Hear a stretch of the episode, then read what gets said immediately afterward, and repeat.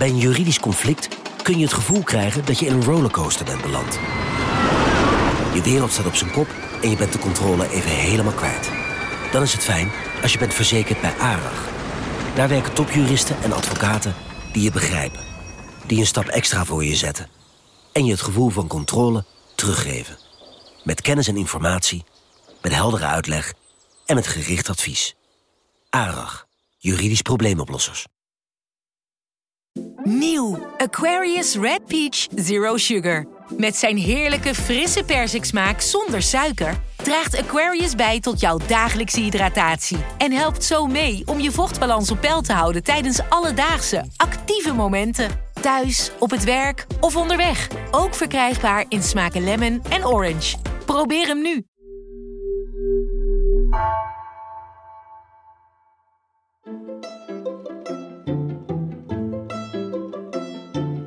Welkom. Wij zijn Onbehaarde Apen. Dit is een podcast van NRC over wetenschap.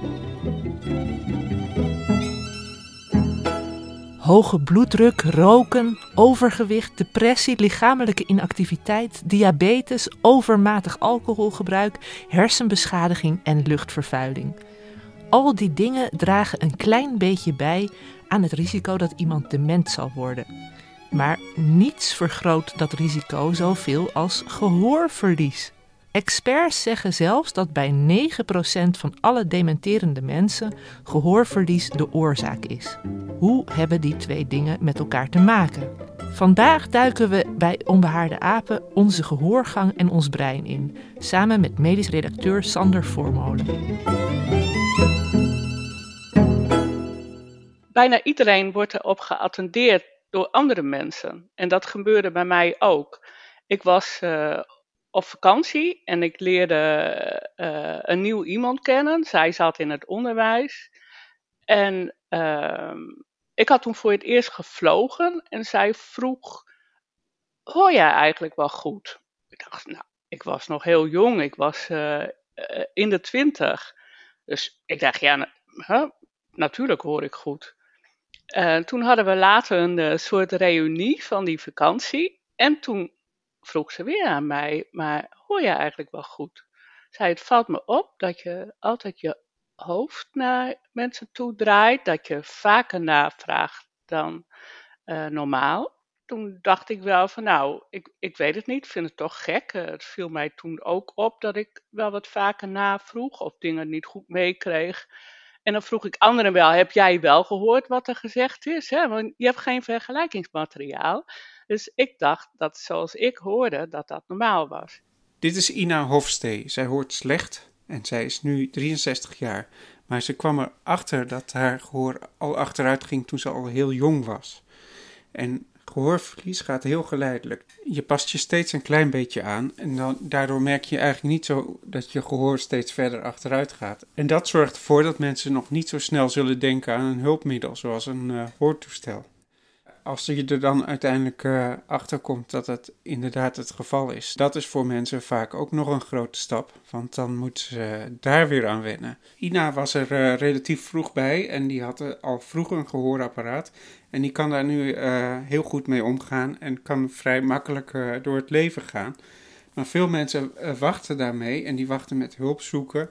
En die krijgen pas een gehoorapparaat als ze al wat ouder zijn. En dan wordt het ook steeds lastiger om daar goed mee om te gaan die eerste hoortoestellen, die kon ik, ja, die kon ik wel zelf iets regelen. Dat zat dan aan het toestel. Uh, maar ja, dat is wel een heel gedoe.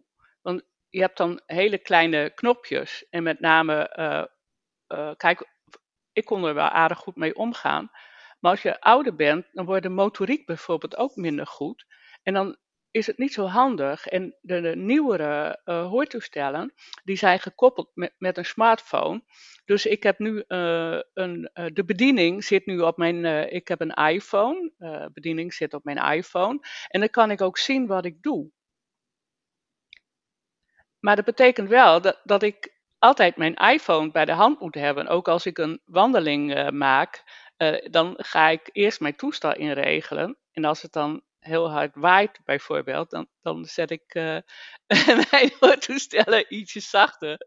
Behalve dat je dus met een gehoorapparaat beter gesprekken kunt verstaan en dus beter kunt deelnemen aan het sociale leven, is er misschien nog een andere reden om uh, wat te doen aan je gehoorverlies. En dat is dat het ook veel te maken heeft met geheugenverlies. En dat is nog maar kort bekend. En daar gaan we het vandaag over hebben.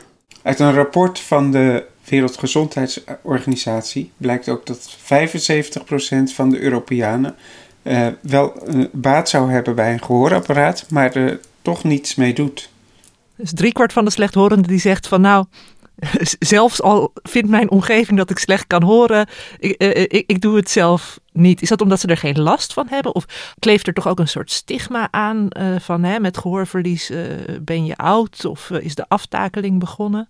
Ja, mensen willen natuurlijk ja, dat niet voor zichzelf erkennen. Maar vaak merken ze dus ook gewoon echt niet dat er iets aan de hand is. En ja, dan gaan dus eerst de, de hoge tonen weg. En ja, dat gaat allemaal heel erg langzaam. Totdat je dus op een punt komt dat je echt mensen niet meer kan verstaan. En dat, dan wordt het problematisch. Ja, en Sander, je zei net al van lang niet iedereen doet er iets mee of zal misschien naar de dokter stappen. Maar zijn er schattingen hoeveel mensen in Nederland gehoorverlies hebben? ja, daar zijn wel schattingen van. Uh, ze hebben bijvoorbeeld in Rotterdam een grote studie lopen, de Ergo-studie, waarin ze dus naar alle gezondheidskenmerken van mensen kijken. En daar kunnen ze ook kijken hoeveel mensen gehoorverlies hebben, want dat wordt allemaal gemeten. En dat hebben ze dus geëxtrapoleerd naar heel Nederland. En dan kom je ongeveer uit op tussen de 1 en 2 miljoen mensen. Dus dat is nog wel aardig wat. En naarmate mensen ouder worden, uh, worden dat uh, steeds meer met gehoorverlies. Hey, en hoe zit dat nou met die link tussen dementie en gehoorverlies? Waar komt dat vandaan? Ja, er, er zijn in de loop der jaren wel verschillende studies naar gedaan. Uh, maar eigenlijk de belangrijkste verscheen in 2017. Dat was door een commissie uh, die uh, specifiek keek naar de oorzaken van dementie. bij elkaar geroepen door de Britse tijdschrift The Lancet. En daarin stond dus dat getal, dat beroemde getal van 9% van de dementie komt door gehoorverlies. En nou ja, dan kun je kijken in die studie van waar is dat dan op gebaseerd. En daar hebben ze een aantal onderzoeken bij elkaar gevoegd en dus uh, dat samen opgeteld. Maar wat we eigenlijk nog niet weten is of uh, gehoorverlies ook inderdaad dementie veroorzaakt. Nee, want je zou ook kunnen zeggen van hè, bij het ouder worden gaan je gehoor en je geheugen allebei achteruit. Ja, precies. Ja. Dus het kunnen dus dingen zijn die gewoon samen opgaan. Maar uh, die gaan dus wel opvallend vaak samen op. Dus dat is wel iets wat we verder willen weten. Ja, en als je dat zo hoort, dan zou je wel kunnen zeggen van nou, misschien loont het toch om een gehoorapparaat te nemen. Hè? Baat het niet, dan schaadt het ook niet. Ja, dat is waar. En er, zijn nog wel meer voordelen aan een gehoorapparaat. Maar uh, als je dus uh, ook kijkt wat die invloed van gehoor is, dat is dus de grootste factor in, in de, uh, de oorzaken van dementie, van wat we nu weten. En als je dat dan bij elkaar optelt, dan bijvoorbeeld het rijtje roken, hoge bloeddruk en gebrek aan lichaamsbeweging en eenzaamheid bij elkaar opgeteld zijn nog niet eens even groot als uh, die ene factor, ge ge gehoorverlies. Nou, en over dat verband tussen die twee, daar gaan we het natuurlijk zo nog uitgebreid over hebben. Maar ik ben eerst wel even benieuwd naar gehoorverlies op zich. Hoe werkt dat en, en, en, en wat gebeurt er in je oor als je minder goed kunt horen? Ja, dat, dat kunnen we het beste door een deskundige uit laten leggen. Ik heb gesproken met Sander Ubbink, die is uh, audioloog in het eh, UMCG in Groningen. En hij doet dagelijks uh, allerlei hoortesten met patiënten. En hij kan het dus heel goed uitleggen geluid, zijn eigenlijk trillingen in de, in de lucht. En die komen dan eigenlijk via de oorschelp aan uh, in de gehoorgang. De bots die trillingen tegen het trommelvlies aan. Achter dat trommelvlies zitten gehoorbeentjes. Dat zijn de kleinste beentjes die we in ons uh, lichaam hebben. En die geven dat geluid door aan het slakkenhuis. Uh, en dat slakkenhuis is eigenlijk het gehoororgaantje. Daar zit een vloeistof in met een membraan. dat gaat trillen op, op het geluid. Um, en op dat membraan, dat ligt een klein groepje cellen, uh, dat, heet het orgaan van Corti. Uh, en in dat groepje cellen zitten de haarcellen. En die haarcellen, als die uh, bewegen, dan wordt geluid eigenlijk omgezet in een elektrisch signaaltje, wat dan ja, door wordt gegeven aan ons brein. En, en dan horen we het. En wat we zien bij het ouder worden, is dat er dus een verouderingsproces is in, in, in, het gehoor. En dat uh, zorgt er onder andere voor dat die haarcellen verdwijnen of beschadigen. En daardoor word je slechthorend. Uh, en de gevolgen daarvan zijn eigenlijk dat je zachte geluiden minder goed kunt horen. Maar het zorgt ook voor dat je toonhoogte lastiger van elkaar kunt onderscheiden. En ook verschillen in tijd lastiger van elkaar onderscheiden. En daardoor wordt eigenlijk de spraak een, een berei van geluid. Dus dat, vloeit eigenlijk in elkaar. En daardoor wordt het verstaan moeilijk. En met name het verstaan uh, als er meer achtergrondlawaai komt. Dus dat zijn de gevolgen van uh, het verliezen van die haarcellen. Uh, en dat gebeurt met name voor de hoge tonen. Ja, voor mensen die zelf nog goed kunnen horen, is het eigenlijk moeilijk voor te stellen uh, wat er gebeurt als je slechter gaat horen. Dat de hoge tonen wegvallen en dat alle geluiden door elkaar heen gaan lopen. Zoals Sander Ubbing ons ook vertelde. Misschien heb je wel eens van het cocktailparty effect gehoord. Dat is dat je dus nog mensen kunt verstaan als het heel druk om je heen wordt. Dat kunnen mensen die slechter gaan horen dus niet meer. En uh, we hebben hier een voorbeeld van hoe dat ongeveer klinkt voor iemand op zo'n feestje. Vielleicht, Herr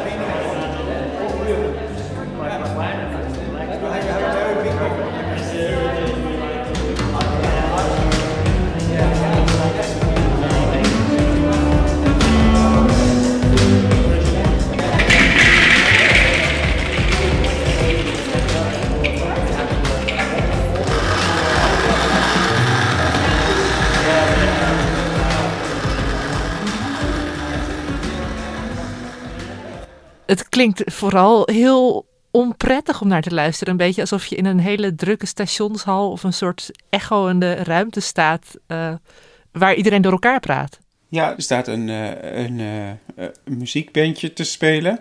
Dat komt heel hard binnen. als iemand de, de ijsemmer leeggooit, dan hoor je heel hard dat ge, geklink en geklank. En uh, het gesprek is daardoor totaal niet meer te verstaan. Nee, dus het is echt een totaal andere beleving ook dan uh, wanneer je bijvoorbeeld met je vingers in je oren zit of wanneer je met oordopjes zit. Want dan wordt alles gedempt. Ja, ja, dan zijn het ook wel vooral de hoge tonen die wegvallen. Ja, maar, maar, maar dat geeft vooral. Ik, ik ben een groot oordopjesliefhebber. Dat geeft vooral rust in je hoofd. En dat ervaar ik niet bij het luisteren naar deze fragmenten. Nee, maar je gaat ook niet een gesprek voeren met oordopjes in, neem ik aan. Een ander leuk voorbeeld is misschien uh, zoiets simpels als de roep van het goudhaantje. Dat is een klein vogeltje die in de heg zit. En die, die piept zo hoog dat mensen met slecht gehoor het, hem gewoon niet meer horen.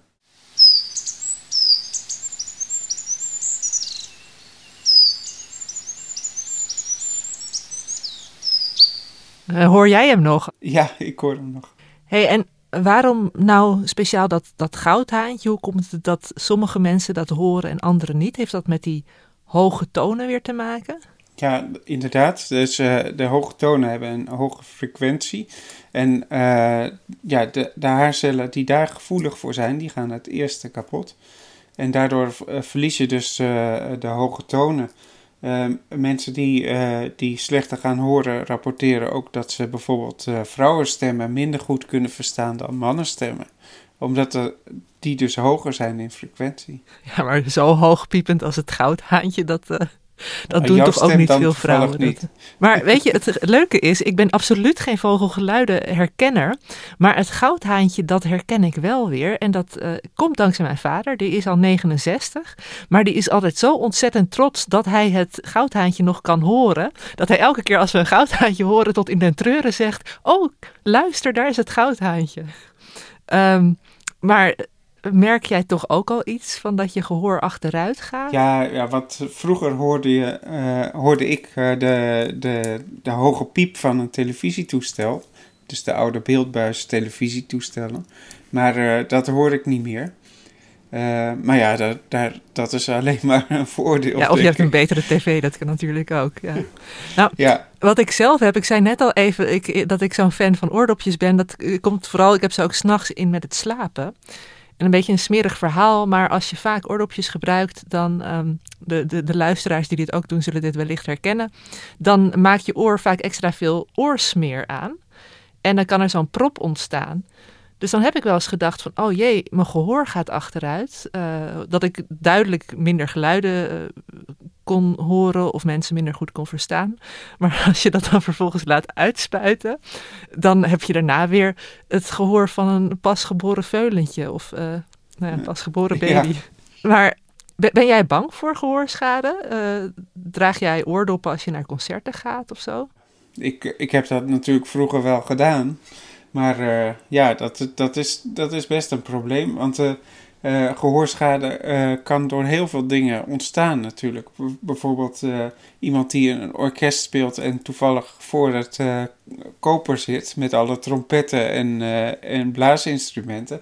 Die kan daar behoorlijk gehoorschade aan overhouden. Ja, terwijl het voor muzici juist heel belangrijk natuurlijk ook is ja. om een goed gehoor te houden. Precies. Nou deed ik dus eigenlijk al, altijd best wel mijn best om mijn oren goed te verzorgen. En ik was me nog niet eens bewust van dat mogelijk verhoogde risico op dementie. Ik bedoel, dan had ik, het, dan had ik al helemaal niks meer durven luisteren of geen enkel concert meer durven te bezoeken. Dus uh, even terug naar, naar, naar die koppeling. Um, is, wordt daar al, al veel over gepraat? Zijn, zijn mensen daar überhaupt van op de hoogte?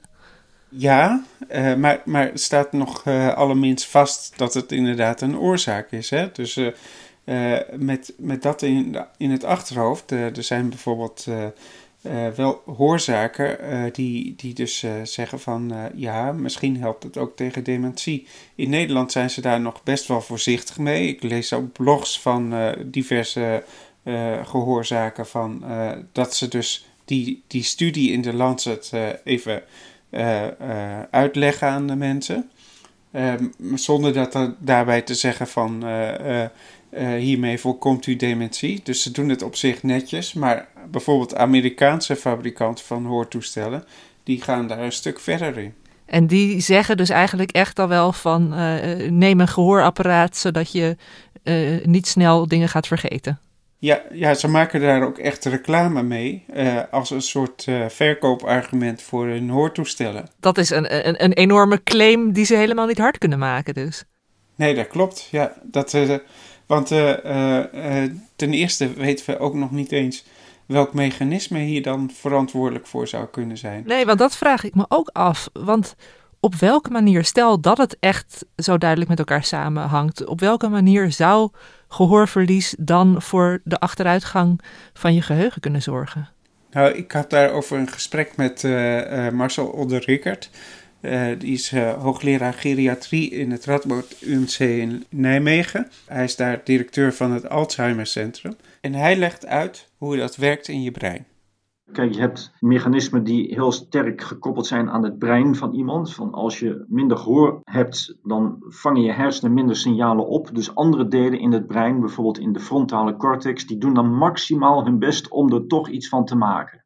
En dat is die aanslag op reservecapaciteit. Maar als je jezelf afzondert en eigenlijk veel minder communicatie hebt met anderen, dan heeft je brein sowieso minder input en zal ook minder gestimuleerd blijven om maximaal te presteren. En dan krijg je wat disuse is eigenlijk het niet meer gebruiken van breindelen. Daarvan weten we ook dat dat achteruitgang bevordert. Dus er zijn verschillende mechanismen naast elkaar die zorgen dat dat gehoorsverlies impact heeft op je geheugen en op het risico van een dementie. Dus hij zegt eigenlijk, als je als gevolg van gehoorverlies uh, wat geïsoleerder gaat leven, dan wordt bepaalde delen van je brein als het ware niet meer genoeg geprikkeld. Ja, dat klopt. En, en, eh, en er zijn natuurlijk wel meer verklaringen, dus we weten nog niet zeker of het zo werkt. Maar dit is een goede mogelijkheid. En het is zo interessant omdat er zoveel mensen zijn met gehoor- en geheugenverlies. Uh, er zijn uh, eh, 280.000 Nederlanders die dementie hebben. Dat, uh, dat zijn cijfers van de Stichting Alzheimer Nederland. En die zeggen daar wel bij dat er honderdduizend van die mensen nog geen diagnose hebben. Dus ja, er, zijn mensen die dus al wel geheugenverlies hebben, maar daar nog niet een officiële diagnose voor hebben. Nee, en jij noemt de stichting Alzheimer. Um, is dementie is, is niet synoniem aan de ziekte van Alzheimer, toch? Nee, Alzheimer is wel de meest voorkomende vorm van dementie. Nou, van Alzheimer weten we dat uh, dat, dat eigenlijk uh, de oorzaak zit in een, een soort ophoping van eiwitten in de zenuwcellen in de hersenen, waardoor die minder goed gaat functioneren. Maar uh, ja, dat is een heel biologisch proces, wat, wat dus langzamerhand erger wordt. En uh, dan, dan begrijp je eigenlijk niet hoe dat door gehoorverlies zou kunnen veroorzaakt worden. En Marcel Olde-Rickert die vertelt vanuit zijn ervaring wat dat in de praktijk betekent als je Alzheimer krijgt. Nou, bij de ziekte van Alzheimer zie je dus dat, dat langzaam de archiefkast van je brein, dus je geheugen, minder goed kan opslaan. Je herinneringen sla je minder goed op. En je kunt er dus vervolgens, als je ernaar gaat zoeken, ook niet meer bij. En dat maakt dat eigenlijk alle dingen die zo overdag gebeuren, dat die in feite niet meer deel uitmaken van je leven een uur, twee uur daarna. Dus je leeft in het moment, maar kunt dus heel weinig bouwen op wat er is geweest. En dat is de eerste functie van het brein die achteruit gaat. En dat kan al meteen invloed hebben op je dagelijks functioneren, omdat je bijvoorbeeld niet meer weet of je kinderen geweest zijn, wie er heeft opgebeld. Um, en dat gaan mensen merken. Um, en heeft dan ook frustratie aan beide kanten. Aan de patiëntkant, maar ook aan degene die moeite heeft gedaan om je te bezoeken, levert dat frustratie op. En Sander, je had het er net al even over dat er zelfs al fabrikanten van gehoorapparaten zijn die ermee adverteren van oh hiermee kun je je brein beschermen tegen geheugenverlies. Maar hoe bewijs je nou, of kun je bewijzen dat een gehoorapparaat ook daadwerkelijk dementie kan tegengaan? Ja, dat is natuurlijk ontzettend lastig, want uh, uh, ja, daarvoor zou je dus uh, een onderzoek moeten doen waarbij je de ene helft van de mensen wel een gehoorapparaat geeft en de andere helft niet. Nou, dat is, dat is best lastig, want het gaat natuurlijk om uh, de mensen hun eigen leven. En die kun je niet zomaar willekeurig gaan indelen in een studie. En je hebt ook nog hele grote aantallen nodig dan. Ik bedoel, het helpt niet als je zegt ja. hier twee met en twee zonder. Ja, maar toch uh, gaan ze dat wel doen. Er is zelfs al een studie aan de gang. En die loopt in, in Amerika bij Johns Hopkins University. Ehm, dat, dat is er dus op gebaseerd dat mensen een geheugentraining krijgen of een gehoorapparaat. Ze kunnen niet kiezen, maar ze worden ingedeeld in een groep. En dat zou dan beide uh, hun helpen om dementie te voorkomen. Uh, maar helaas is dat natuurlijk een studie die heel lang moet lopen, want anders heb je nog geen resultaat. Want het gaat niet van de ene op de andere dag. Dus uh, we verwachten dat pas in 2022. En, en, wanneer was die begonnen, die studie? In 2018. 2018. Dus dat is al. Oh ja, dus alsnog best wel een korte tijd, toch? Relatief dan, snel. Maar dat, dat zijn dan allemaal mensen met een wat hogere leeftijd ook al. Ja. Het zit me ergens toch nog niet helemaal lekker. Die, die studie in de Lancet 2017 was duidelijk 9%. Maar het was één studie en sindsdien zijn er allemaal fabrikanten die dan al met harde claims komen, die nog helemaal niet te bewijzen zijn. En dan hebben we nu een Amerikaans onderzoek, maar dat loopt nog tot 2022. Dus eigenlijk weten we nog nagenoeg niets voor mijn gevoel. Uh, is, is het niet zo dat het gewoon echt nog onderzoek in de kinderschoenen is? Ja, ik snap dat je er zo over denkt. We hebben nu uitgelegd wat er gebeurt in je oren als, uh, als je dus uh, slechter gaat horen. En we hebben uh, gehoord wat er gebeurt als je dus geheugenverlies leidt. En we hebben die twee met elkaar in verband gebracht. Maar het lastige is natuurlijk om aan te tonen dat er een oorzakelijk verband is. Dus dat gehoorverlies inderdaad geheugenverlies veroorzaakt. Nou, dan kom je op het terrein van epidemiologen, die dus al die verschillende invloeden met elkaar kunnen wegen. En ik, uh, ik sprak met twee van die epidemiologen. Uh, Inge Stegeman van de UMC Utrecht, die daar bij de afdeling audiologie werkt. En met uh, Arvan Ikram uit Rotterdam van de Erasmus Universiteit. Hij is betrokken bij de Ergo-studie. En daar kijken ze dus uh, heel langdurig naar uh, de bevolking en wat er met hun gezondheid gebeurt. En aan hun dus eigenlijk de taak om al die verschillende invloeden van elkaar los te trekken en kijken wat op welke manier meespeelt. Ja, op een zo goed mogelijke manier. En dat kan nog best lastig zijn. Kijk, dementie, zoals vele andere ziekten, zijn ja, complexe of multifactoriële ziekten. Met andere woorden, er is niet één kenmerk aan te wijzen waardoor iemand wel of niet ziek wordt. Dat is een beetje in tegenstelling tot bijvoorbeeld COVID-19. Je weet, SARS-CoV-2, dat is een essentiële voorwaarde om COVID-19 te krijgen. Zonder SARS-CoV-2 geen COVID-19. Natuurlijk zijn er ook allerlei andere subtiliteiten, maar dat is even zwart-wit zo gezegd. Bij dementie kan je niet zeggen, dit is één factor die zeker weten maakt dat iemand dement wordt, of uh, een factor die maakt dat iemand uh, uh, gezond blijft. Het is een multifactoriële ziekte, waar, wat betekent dat er dus vele oorzaken zijn die gezamenlijk, en soms ook in een andere combinatie bij elke patiënt, ertoe hebben geleid dat iemand dement wordt. En hoe denken zij dan over die samenhang tussen gehoor en dementie? Inge Stegeman die wil heel graag een onderzoek opzetten waarin je dus inderdaad die vergelijking kunt maken tussen verschillende groepen. En dat betekent dus dat je dan een hele langdurige studie zal moeten doen. Uh, maar ja, of dat gaat lukken, dat is natuurlijk nog de vraag. Wat er wordt gedacht is dat het of een, uh, een, een, een achtergrond heeft die hetzelfde is. Hè? Dus dat het een beetje uit dezelfde problemen voorkomt, gehoorverlies en, en geheugenverlies. Maar een andere veel voorkomende theorie is dat um, um, de uh, cognitieve problemen ook deels worden veroorzaakt doordat mensen minder input krijgen op, mensen dat, op het moment dat ze gehoorverlies krijgen. Dus in eerste instantie zowel minder input in het brein zelf, dus, dus dat er um, minder uh, activiteit is, maar ook minder input doordat ze minder sociale contacten hebben, wat dan leidt tot sociale isolatie. En dat mensen doordat ze minder doen en minder nou ja, zoals we dat noemen, onder de mensen komen en minder actief zijn, minder input krijgen en daardoor cognitief ook achteruit gaan. En welke van die theorieën helemaal waarheid is, dat, dat, dat, dat weten we nog niet. Uh, maar het is natuurlijk ook best wel mogelijk dat het een combinatie van deze twee is. En Arvan Ikram, die kijkt eigenlijk terug. Die kijkt uh, wat is er gebeurd met mensen die uh, slechthorend werden en hoe staat dat in verband tot hun uh, mentale gezondheid. En uh, hebben ze meer geheugenverlies.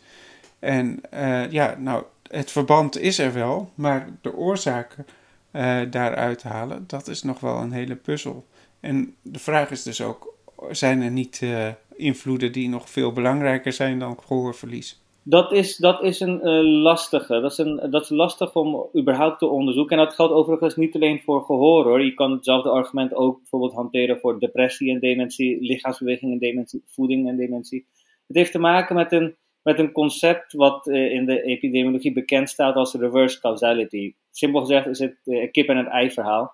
Hier werkt het als volgt. Um, aan de ene kant kan je zeggen, ja, gehoorsverlies leidt ertoe dat er veel minder ja, prikkels de hersenen inkomen. De hersenen worden minder gestimuleerd en dat zorgt ervoor dat het, ja, het aftakelingsproces, het degeneratieve proces, voortzet. Omgekeerd zou je ook kunnen redeneren van ja, iemand met dementie, dat proces begint jaren eerder al. En als onderdeel van dat proces, terwijl iemand nog ogenschijnlijk gezond is, kan het zijn dat de aftakeling van de hersenen ook ervoor zorgt dat het gehoor achteruit gaat. Ja, dus het, het blijft voorlopig toch een verband met heel veel slagen om de arm. Ja, dat klopt. Ja, als ik het zo hoor, vind ik het een uh, interessant verband. Maar ik zou toch nog niet 100% mijn geld erom durven te verwedden dat een gehoorapparaat de oplossing is. Dus zijn er nog andere dingen die je kunt doen um, om je hersenen fit te houden? Ja, er is ook vaak uh, geopperd dat je dan geheugentrainingen kunt doen. Uh, en allerlei uh, sudoku's oplossen en, en, puzzeltjes maken. Maar uh, dat levert allemaal niet zo heel veel op. Uh, Marcel Olderikert zegt erover, de geriater weet je wel uit Nijmegen, die zegt erover van, ja, dan word je goed in sudoku's oplossen en goed in die geheugenspelletjes. Maar in de praktijk loopt dat effect niet over en heb je geen betere intelligentie uiteindelijk. Het is dus eigenlijk belangrijker om een sociale activiteit aan te kiezen? Of? Ja, dat, uh, dat lijkt me wel. En een gehoorapparaat kan daar dus inderdaad wel aan bijdragen. Want als mensen de conversaties niet meer kunnen horen en, en daardoor dingen gaan missen, dan gaan ze zich misschien terugtrekken, worden uh, depressiever, geïsoleerder, gaan minder goed voor zichzelf zorgen, zijn minder actief. En al die aspecten hebben weer invloed op, op dus de dementierisico. Ja. Ja, ik zit ook nog even te denken dat ze, dat ze zo vaak zeggen van uh, leer een instrument spelen om je hersenen fit te houden. Maar dan moet je dus niet een uh, te luid instrument kiezen in ieder geval. Geen, niet gaan drummen of weet ik veel. Nou, ervaringsdeskundige Ina Hofstee, die we ook aan het begin al hoorden, die probeert zichzelf geestelijk fit te houden door telkens nieuwe dingen te leren. Mijn droom is eigenlijk om ooit nog een saxofoon te leren spelen. Dat vind ik zo'n mooi instrument. En ik weet niet of het voor mij haalbaar is. Ik moet ook zeker de buren gaan waarschuwen dan. Maar eh, kijk, er zijn heel veel vormen van leren. En, en het is belangrijk, even los uh, van of je wel of niet slechthorend bent, maar voor een slechthorende nog belangrijker, is dat je erachter komt wat je leuk vindt. En het hoeft niet per se te zijn waar je goed in bent, maar vaak is daar wel een relatie dat waar je goed in bent, dat je dat ook leuk vindt, omdat je gestimuleerd wordt om dat te doen. Het, het kan van alles zijn. Hè? Ik, ik doe dan uh, die masteropleiding Healthy Aging, maar, maar je kan bijvoorbeeld ook een ander vak gaan leren, of, je kan uh, gaan tuinieren. Of ik heb bijvoorbeeld een, uh, toen ik stopte met werken een hulphond opgevoed. Maar daar leer je zelf ook van. Je, je kan ook sociaal leren, uh, hè, van, van, hoe je gesprekken uh, voert. Als ik het zo van jou hoor, is het sociaal, het sociale aspect, het in contact blijven met anderen, uh, gewoon heel belangrijk. En je niet gaan afsluiten als gevolg van je gehoorverlies. En dan zou een gehoorapparaat dus wel weer een steuntje in de rug kunnen zijn. Ja, maar uh, dan nog, hè, verwacht dan niet dat, uh, dat uh, als je al licht dementerend bent, dat een gehoorapparaat het zal omkeren. Het proces zal hooguit vertragen. En ja, dat zal ook weer per individu verschillend zijn, want de een kan er beter mee omgaan dan, met, dan de ander. En ja, dat is dus nog altijd heel onzeker. Ja, en juist omdat het een beetje nog zo'n vaag verband is, zit ik te filosoferen van, zou het niet ook gewoon, weet ik veel, andersom kunnen zijn? Dat je, uh, dat je juist door te veel te horen een overprikkeld brein krijgt en dat je geheugen daardoor achteruit gaat, omdat je het niet meer allemaal vast kunt leggen. Of, of ga ik dan te ver? Dat is een beetje te sterk, want, maar er zit wel wat in. Want er is ook zoiets als een cognitieve reserve. Uh, dat dat uh, is een term die neurologen gebruiken om aan te duiden dat, uh, dat je hersenen toch maar een beperkte capaciteit hebben. En als je heel veel moeite moet doen om gesprekken te volgen, dan gaat dat misschien ten koste van andere dingen die je hersenen ook moeten doen. En dan zou het wel zo kunnen zijn dat dus die inspanning die het luisteren vergt, dat die ten koste gaat van het geheugen.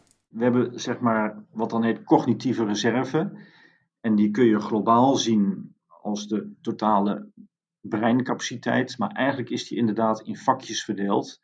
Want daar zit een vakje met maximale breincapaciteit van geheugen, opslagfunctie in. Maar daar zit ook een vakje in van bijvoorbeeld abstractievermogen, van planning en organisatie. Dus al die functies hebben een maximale capaciteit. En afhankelijk van de schadefactoren die er zijn, zul je zien dat het ene vakje eerder wordt aangedaan dan het andere vakje. Bijvoorbeeld bloedvatschade heeft eerder effect op planning, organisatie, abstractievermogen en niet meteen op geheugenfunctie. Dus daar moet je binnen je totale um, breincapaciteit een beetje gevoel voor krijgen van waar ben ik nu nog redelijk sterk in en waar heb ik eerder hulp nodig, waar heb ik eerder die prothese als het ware van mijn omgeving nodig om me daarbij te helpen. Nou, precies, ja. Want ik merk het gewoon bij mezelf. Als ik heel veel dingen. Ik denk weer even terug aan dat cocktailparty-effect. Uh, als je heel veel geluiden tegelijkertijd moet volgen. Of als ik tegelijkertijd een podcast aan het luisteren ben. en nog met iemand aan het praten ben. dan, dan voel ik me al snel moe daardoor. Ja, en er zijn uh, natuurlijk grote verschillen uh, tussen mensen. De een kan dat veel beter dan de ander. En dat verklaart ook waar, waarom dat voor de ene veel groter probleem wordt dan voor de ander. Aan het begin van deze aflevering had ik nog een beetje de hoop van, oh, het gehoorapparaat, dat is een, een soort gouden ticket tegen dementie. En als ik jou nou zo heb horen praten en al die experts heb horen praten, dan denk ik, ja, dat voert voorlopig toch nog wel echt te ver. Maar kunnen we wel samenvatten van het, het is belangrijk wel om je gehoorschade of je gehoorverlies uh, bij tijds eigenlijk in de gaten te hebben? Ja, als je een gehoorapparaat laat aanmeten, is dat dus geen garantie dat je nooit dementie zal krijgen. Maar het kan wel een belangrijk hulpmiddel zijn om uh, sociaal actief te zijn. En goed horen voor, zorgt ervoor dat je de sociale prikkels niet uit de weg gaat. En dat je dus je hersenen kunt blijven stimuleren. En dat is sowieso goed voor je, op allerlei fronten. En daarbij pleit Marcel Older-Rickert er ook voor dat je uh, erover praat met je omgeving. Zodat je rekening kan houden met uh, dat je slechter hoort. Bijvoorbeeld dat je uh, van tevoren even overlegt waar je het beste kan gaan zitten, zodat je aan het gesprek kunt deelnemen. Ja, dus dat we ook eigenlijk het taboe op gehoorproblemen voorbij gaan door het gewoon bespreekbaar te maken. Ja, precies. Ja, en als je dan over dat geïsoleerde leven praat, dan denk ik ook weer terug aan waar we het net over hadden dat helpt wel uh, te voorkomen dat je niet geïsoleerd raakt, helpt wel om je brein ook fit te houden dus. Ja, zeker. Dat, uh, dat klopt. Ja, en verder is het denk ik ook maar een beetje afwachten tot 2022, wanneer we meer uit dat Amerikaanse onderzoek weten. Ja, en de vraag is of dat een definitief antwoord gaat geven of dat we nog steeds in onzekerheid door zullen leven. Dat, dat weten we nog niet. En, tot die tijd, nou, eh, dan uh, moeten we het er misschien maar op houden. Een uh, gehoorapparaat draagt al dan niet bij aan een goed geheugen, maar in principe wel aan een goed en sociaal leven. Nou, dat lijkt me een mooie boodschap voor het einde van deze aflevering. Hey, dankjewel Sander. Dank ook aan alle experts die we hebben gehoord. En uh, het is voor mij wel weer een waarschuwing dat ik denk, ik ga toch weer eens naar de huisarts om mijn oren te laten uitspuiten. Bedankt ook Else van Driel en Nina van Hattem voor de productie. En natuurlijk alle luisteraars bedankt voor het luisteren. En zet vooral uh, de podcast niet op vol volume. Want we hopen dat jullie nog heel lang een goed gehoor blijven houden. Zodat jullie ons ook nog heel lang blijven luisteren. En uh, kun je niet wachten tot volgende week? Neem dan ook even een kijkje op onze Twitterpagina. Tot de volgende keer.